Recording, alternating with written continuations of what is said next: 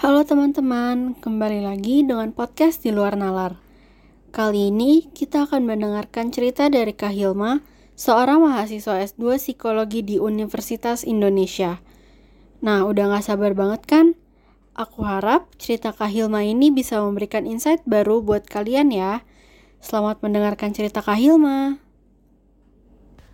Halo semuanya, perkenalkan namaku Hilma. Saat ini aku sedang melanjutkan studi S2 aku di Psikologi Profesi Klinis Dewasa Universitas Indonesia. Kenapa sih aku memilih jurusan psikologi dan justru malah melanjutkan lagi nih ke S2? Um, sebenarnya ini mungkin berkaca juga dari pengalaman masa kecil aku yang banyak terpapar gitu ya oleh ajakan-ajakan ayahku yang juga merupakan alumni psikologi sehingga aku uh, sedikit banyak tahu apa sih yang dikerjakan oleh seorang lulusan psikologi. Dan kebetulan ketika aku diajak dan melihat aku pun juga merasakan bahwa oh ternyata ini seperti yang aku suka. Ini suatu hal yang menarik bagiku. Jadi tumbuhlah minat itu sejak kecil sebenarnya. Kemudian bertumbuh um, seiring berjalannya waktu ada banyak apa ya mungkin cerita kehidupan yang semakin membuat aku merasa kayaknya psikologi ini adalah jurusan yang tepat gitu. Karena ternyata aku banyak belajar dari masalah-masalah teman aku dari bagaimana aku menjadi tempat sampah gitu ya ibaratnya. Um, atau bahkan dari masalahku sendiri gitu. Dan ketika aku mengetahui psikologi ini sepertinya banyak banget gitu yang bisa dipelajari dan akan bermanfaat nantinya nggak cuma untuk diri aku tapi untuk banyak orang di sekitarku.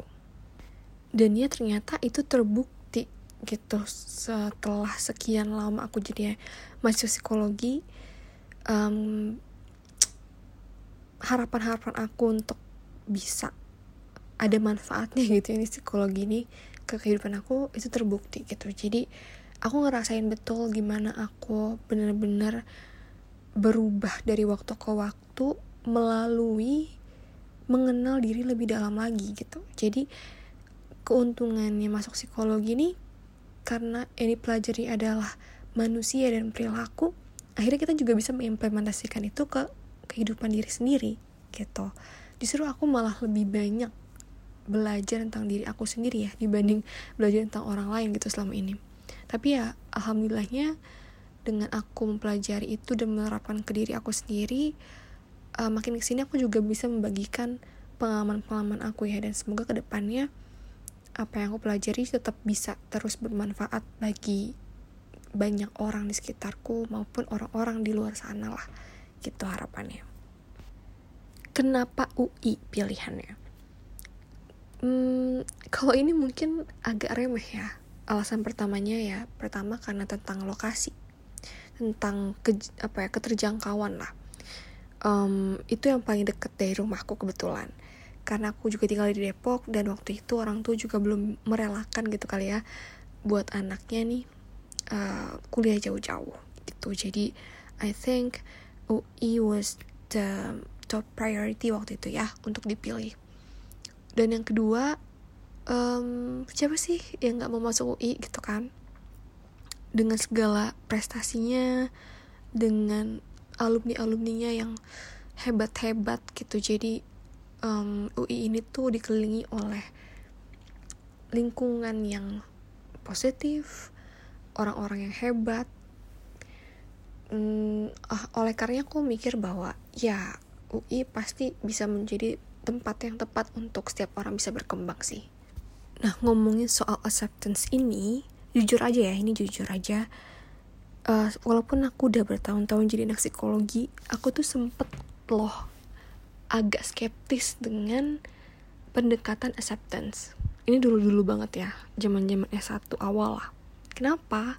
Karena dulu tuh aku mikirnya kayak, emang sesimpel itu ya kita bisa menerima gitu. Aku tuh mikirnya ini kayak term yang cringe gitu waktu itu kayak apa sih overrated deh acceptance gitu kan. Tapi um, beberapa bulan terakhir atau bahkan setahun terakhir ini aku benar-benar baru banget mempelajari acceptance yang sesungguhnya gitu. Kebetulan aku terinspirasi dari salah satu dosen uh, favorit aku di S2 ini yang kebetulan beliau juga pendekatannya ahli di um, apa ya acceptance gitu dan mulai saat itulah aku baru ngulik lebih dalam lagi gitu tentang acceptance dan self acceptance nah dari situ aku baru bener-bener melek baru bener-bener terkesima bahwa O M to the G gitu ya. Ini kayaknya pendekatan yang menurut aku paling dekat dan paling um, relatable buat semua orang gitu. Bahkan secara agama aku gitu ya aku memandang ini adalah pendekatan yang paling dekat dengan agamaku gitu dan paling manusiawi.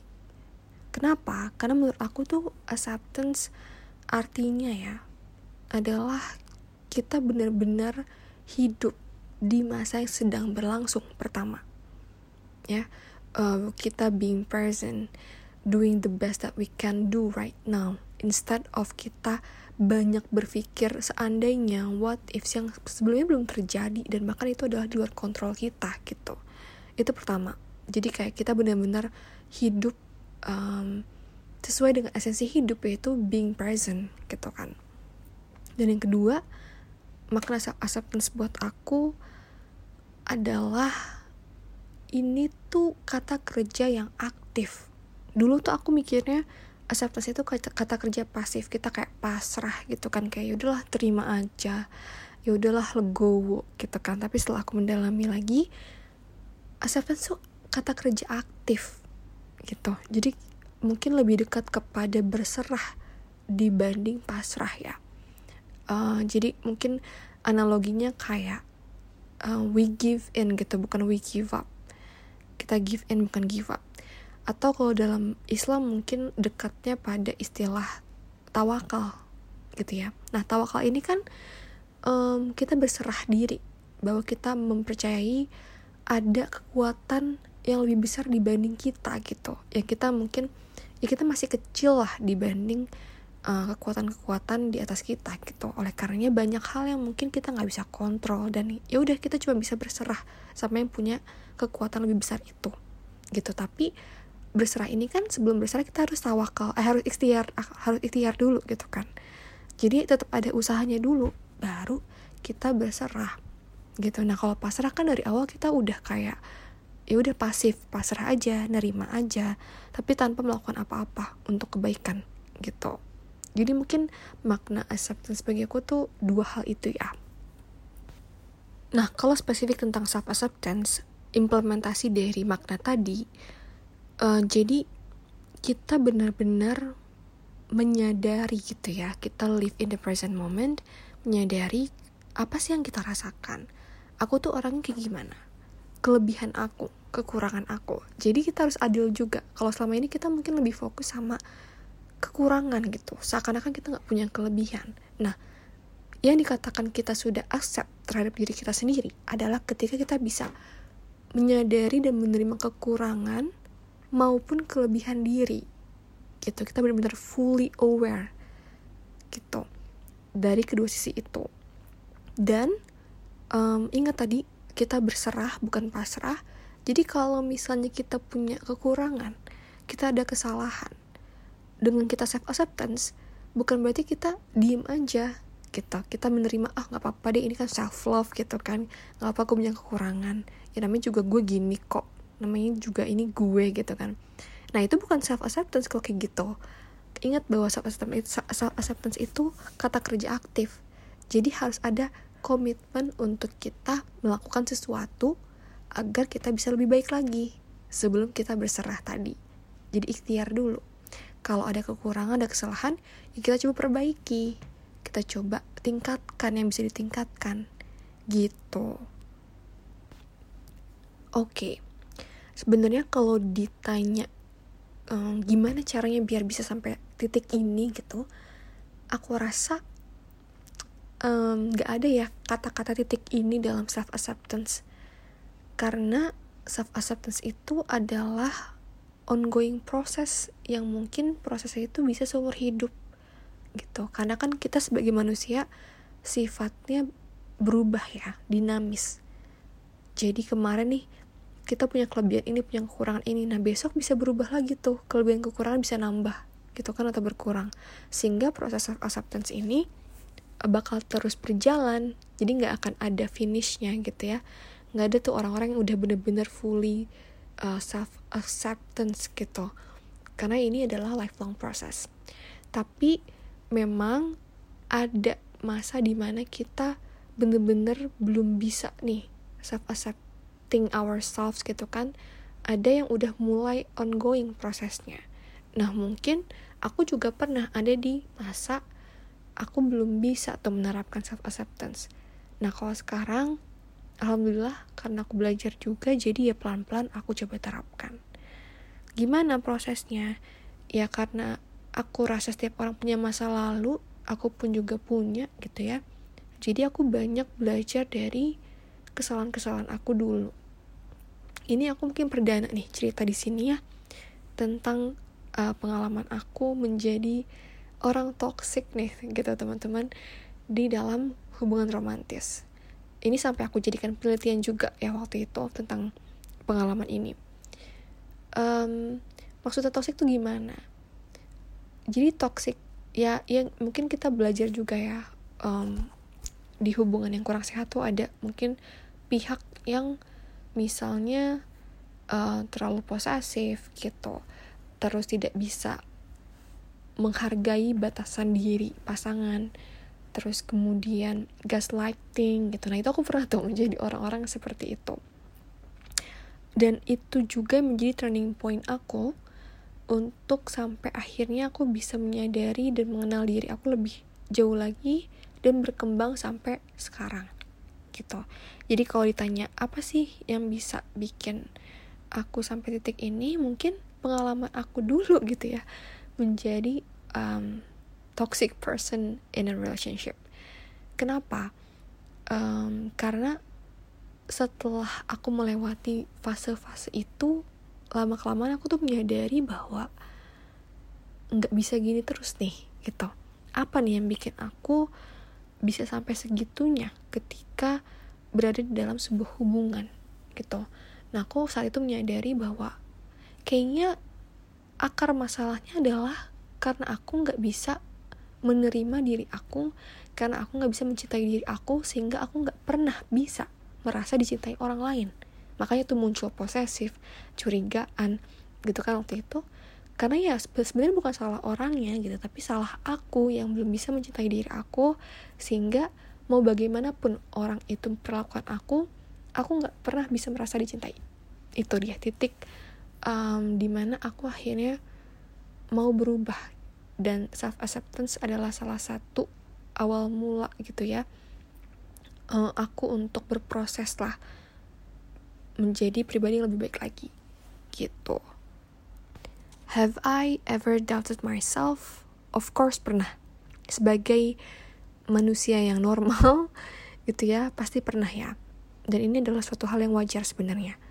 Sesekali tapi ya, kalau terus-terusan setiap hari, tiap detik bahkan kita nggak pernah percaya dan nggak pernah yakin sama diri kita sendiri, nah itu yang bahaya. Tapi at some point kadang kita bukan ragu sih, tapi berarti kayak mempertimbangkan kali ya, bener gak ya ini? gitu. Atau aku tuh udah bener-bener siap belumnya. Nah itu kadang perlu juga untuk sebagai sinyal ya kepada diri kita buat bersiap-siap lebih baik lagi gitu. Bukan yang justru malah bikin kita jadi um, tenggelam dalam keraguan itu dan akhirnya kita nggak ngapa-ngapain. Nah itu yang bahaya. Tapi kalau ditanya pernah? Ya pasti pernah. Waktu itu misalnya ketika aku lagi merasakan itu apa yang aku biasanya lakukan um, mungkin awalnya gak bisa langsung bertindak ya gitu. Gak mungkin aku bisa langsung kayak oh udah tahu solusinya gini-gini. Pasti ada proses di mana aku um, harus damai dulu nih sama emosi itu gitu kan. Karena kan pasti nggak nyaman ya ketika kita lagi melakukan diri kita sendiri. Nah biasanya aku fokus dulu untuk um, menenangkan emosi aku gitu ya.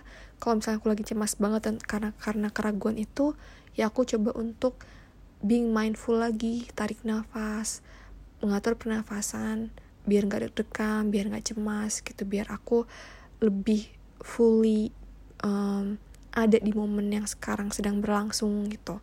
Dibanding ketika aku lagi cemas itu kan lagi memikirkan masa depan gitu kan. Jadi aku menarik diri aku dulu nih ke masa yang sedang berlangsung dengan tadi salah satunya mengatur pernafasan. Terus kemudian aku biasanya coba tulis di kertas atau di mana pun itu di HP juga pernah apa sih yang sebenarnya aku cemaskan? Apa yang sebenarnya aku khawatirkan? Apa yang sebenarnya aku ragukan? Gitu.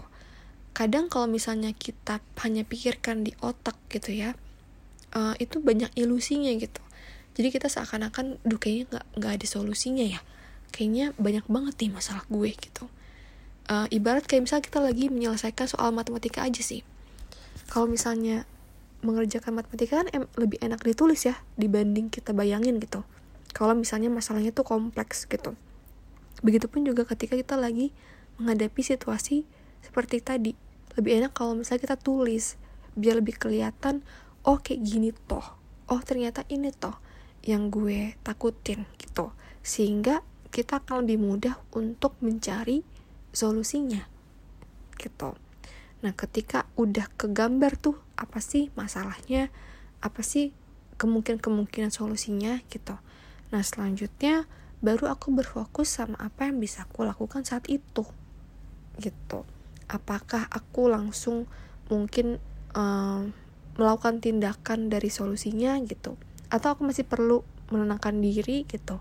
Nah itu nanti ya aku lakukan sesuai dengan kebutuhan saat itu jadi doing the best I can do that time.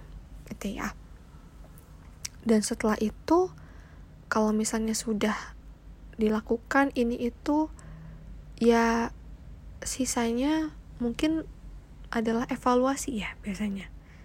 Jadi kan kalau misalnya kita ragu di awal berarti kan ada sesuatu yang mungkin kita kurang yakin apakah ini berhasil atau enggak gitu kan. Nah setelah udah kejadian udah dilakuin evaluasi apakah cara-cara yang udah kita lakukan tadi berhasil kalau berhasil kira-kira apa nih yang bikin berhasil kalau misalnya eh, belum berhasil apa faktornya gitu biar nantinya buat ke depannya bisa jadi um, pengingat, bisa jadi pengalaman dan pembelajaran gitu. Duh, ini tentang memendam emosi. Ini juga adalah diri aku yang dulu ya. dulu tuh aku hobi banget gitu memendam emosi. Tapi sebenarnya aku bisa paham ya uh, sama orang-orang mungkin yang memendam emosi gitu. Kadang perilaku memendam emosi ini mencerminkan value atau nilai diri seseorang gitu. Kalau aku mungkin kenapa aku dulu memendam emosi mungkin karena salah satu value aku adalah men ingin menjaga keharmonisan hubungan sebenarnya gitu. Jadi suatu perilaku baik itu buruk ataupun um, bagus gitu ya. Kadang itu merepresentasikan apa sih value kita gitu jadi kalau misalnya memendam emosi mungkin karena ya sebenarnya itu pengen menjaga hubungan nih biar dia nggak marah-marah dan akhirnya hubungannya jadi apa memburuk gitu dan lain-lain tapi sebenarnya caranya kurang tepat gitu kan kenapa kurang tepat? Um, mungkin bisa diibaratkan tubuh kita ini kayak gelas ya. Gelas yang menampung air. Nah airnya itu adalah emosi masalah unek-unek gitu. Nah awalnya gelas kita kosong. Seiring kita bertumbuh menua gitu kan banyak tuh masalah hidup yang datang. Emosi-emosi negatif uh, unek-unek gitu. Akhirnya jadi kayak dituangin air dikit-dikit gitu kan lama-lama jadi penuh gitu kan. Sehingga kadang tuh perlu dikuras biar kita bisa menampung air lebih banyak lagi. Nah bayangin kalau misalnya emosi-emosi unek-unek itu terus diisi sampai penuh gitu ya tapi nggak pernah dikuras tuh airnya. Jadi sampai penuh di titik yang paling penuh di gelas itu. Nah kalau udah sampai situ ditetesin setetes aja air baru atau dalam arti lain ada masalah baru kecil aja ya masalah kecil gitu. Misal disenggol temen atau apa hmm, dikat uh, di apa ya pokoknya intinya kayak hal-hal kecil deh gitu yang bikin kita gak nyampan itu bisa jadi meledakkan diri kita. Airnya jadi bisa tumpah-tumpah gitu karena hanya dengan satu tetes air um, di gelas yang udah penuh gitu. Jadi bahaya ya sebenarnya kita ketika terus-terusan memendam emosi. Karena sebenarnya emosi itu pada dasarnya perlu untuk dirasakan dan diekspresikan gitu.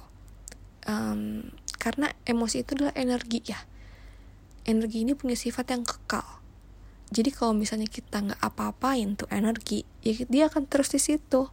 Gitu. Tapi kalau misalnya kita uh, usahakan gitu ya untuk tadi ekspresikan kita rasakan kita olah energi itu bisa berubah bentuk atau pindah medium gitu. Jadi berubah bentuk ke mungkin emosi yang lebih positif gitu ya. Jadi ya kalau kita memendam emosi sebenarnya kurang baik ya. Oke. Nah pencarian jati diri ini juga sebenarnya mungkin proses yang nggak instan ya. Jadi disclaimernya adalah perlu bersabar perlu tahu bahwa ini akan panjang prosesnya dan perlu banyak trial dan error. Itu tiga prinsip yang teman-teman perlu ingat. Mungkin ada hal-hal yang bisa aku share. Ini beberapa dari pengalaman aku, beberapa juga dari apa yang aku pelajari dan aku baca. Nah ini silahkan dipilah-pilah gitu ya. Mana yang sesuai sama teman-teman dan mana yang bisa dicoba dipraktikkan.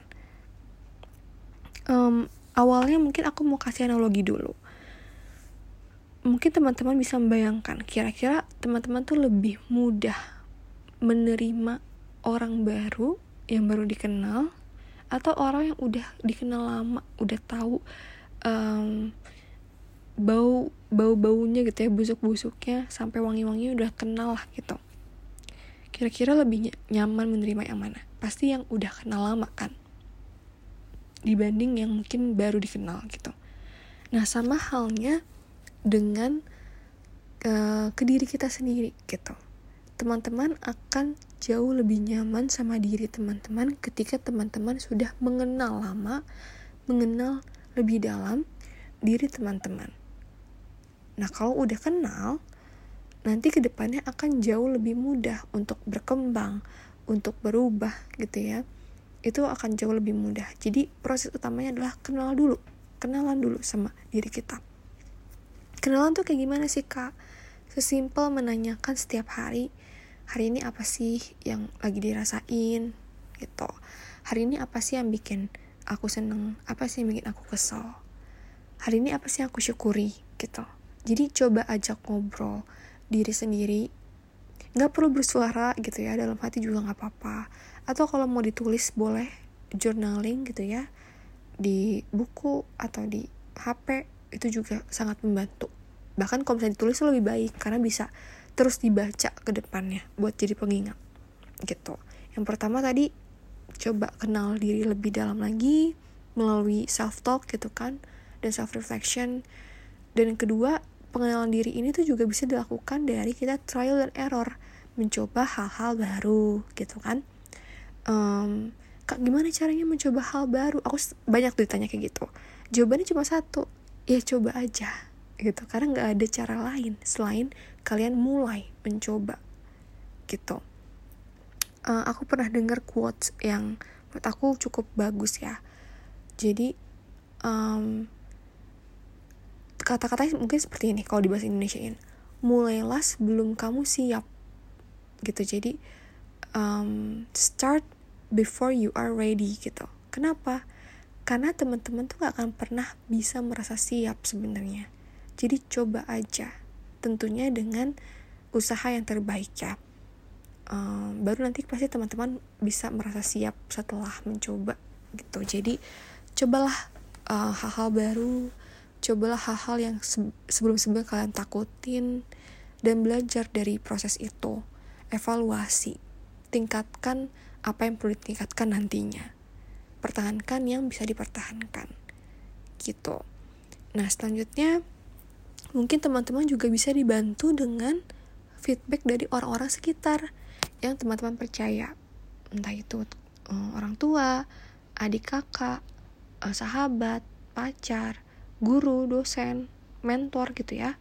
Silahkan bertanya, manfaatkan orang-orang yang diberikan Tuhan gitu kepada kalian um, sebagai salah satu sumber pengenalan diri kalian.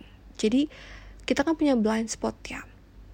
Kita nggak bisa tuh bener-bener mengenali diri diri kita tuh 100% cuma dari uh, diri kita sendiri. Makanya orang-orang di sekitar kita tuh berperan juga sebenarnya untuk pengenalan diri kita.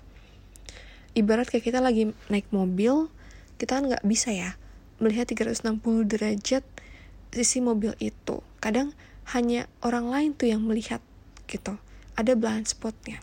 Nah oleh karenanya meminta feedback, meminta masukan, meminta saran dari orang lain itu bisa berguna um, menambal menambal blind spot kita yang tadi kita nggak tahu oh ternyata aku punya kelebihan ini ya oh ternyata aku punya kekurangan itu ya karena orang lain melihatnya kita jadi tahu gitu. Jadi coba aja um, minta feedback. Aku tuh orangnya kayak gimana sih menurut kamu? Apa sih kelebihan aku? Apa sih kekurangan aku? Gitu. Jadi ditanyain tuh harus dua ya. Harus paket tuh kelebihan dan kekurangan. Jadi nggak nggak cuma salah satunya aja. Gitu.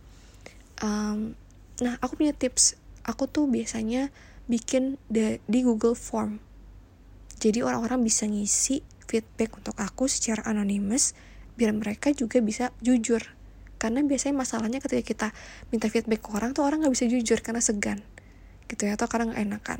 Nah kalau lewat Google Form kalian tulis tuh pertanyaan-pertanyaan yang pengen kalian tanyakan terus kasih aja linknya di media sosial kalian atau mungkin di uh, nomor-nomor teman kalian biar mereka bisa isi kapan pun dan sesuka mereka gitu ya sejujur-jujurnya tanpa mereka harus menuliskan siapa itu yang mengisi gitu mungkin itu beberapa tips um, dari aku ya untuk bisa pelan-pelan mengenal diri sehingga dari mengenal diri itu kalian bisa lebih menerima diri dan nanti jadi bisa membangun jati diri kalian dan berkembang menjadi pribadi yang lebih baik lagi. Itu dia cerita dan pendapat Kak Hilma tentang self acceptance. Nah, jadi begitu ya teman-teman. Penerimaan diri itu merupakan kata yang aktif. Kita harus berusaha untuk menerima diri sendiri. Terserah bukan pasrah harus coba dulu semaksimal mungkin apa yang kita bisa untuk memperbaiki kekurangan, baru berserah ketika kita sudah melakukan apa pun yang kita bisa. Insightful banget kan? Kalau begitu, podcast di luar nalar untuk bulan April ini sampai di sini dulu ya. Sampai jumpa di podcast bulan depan.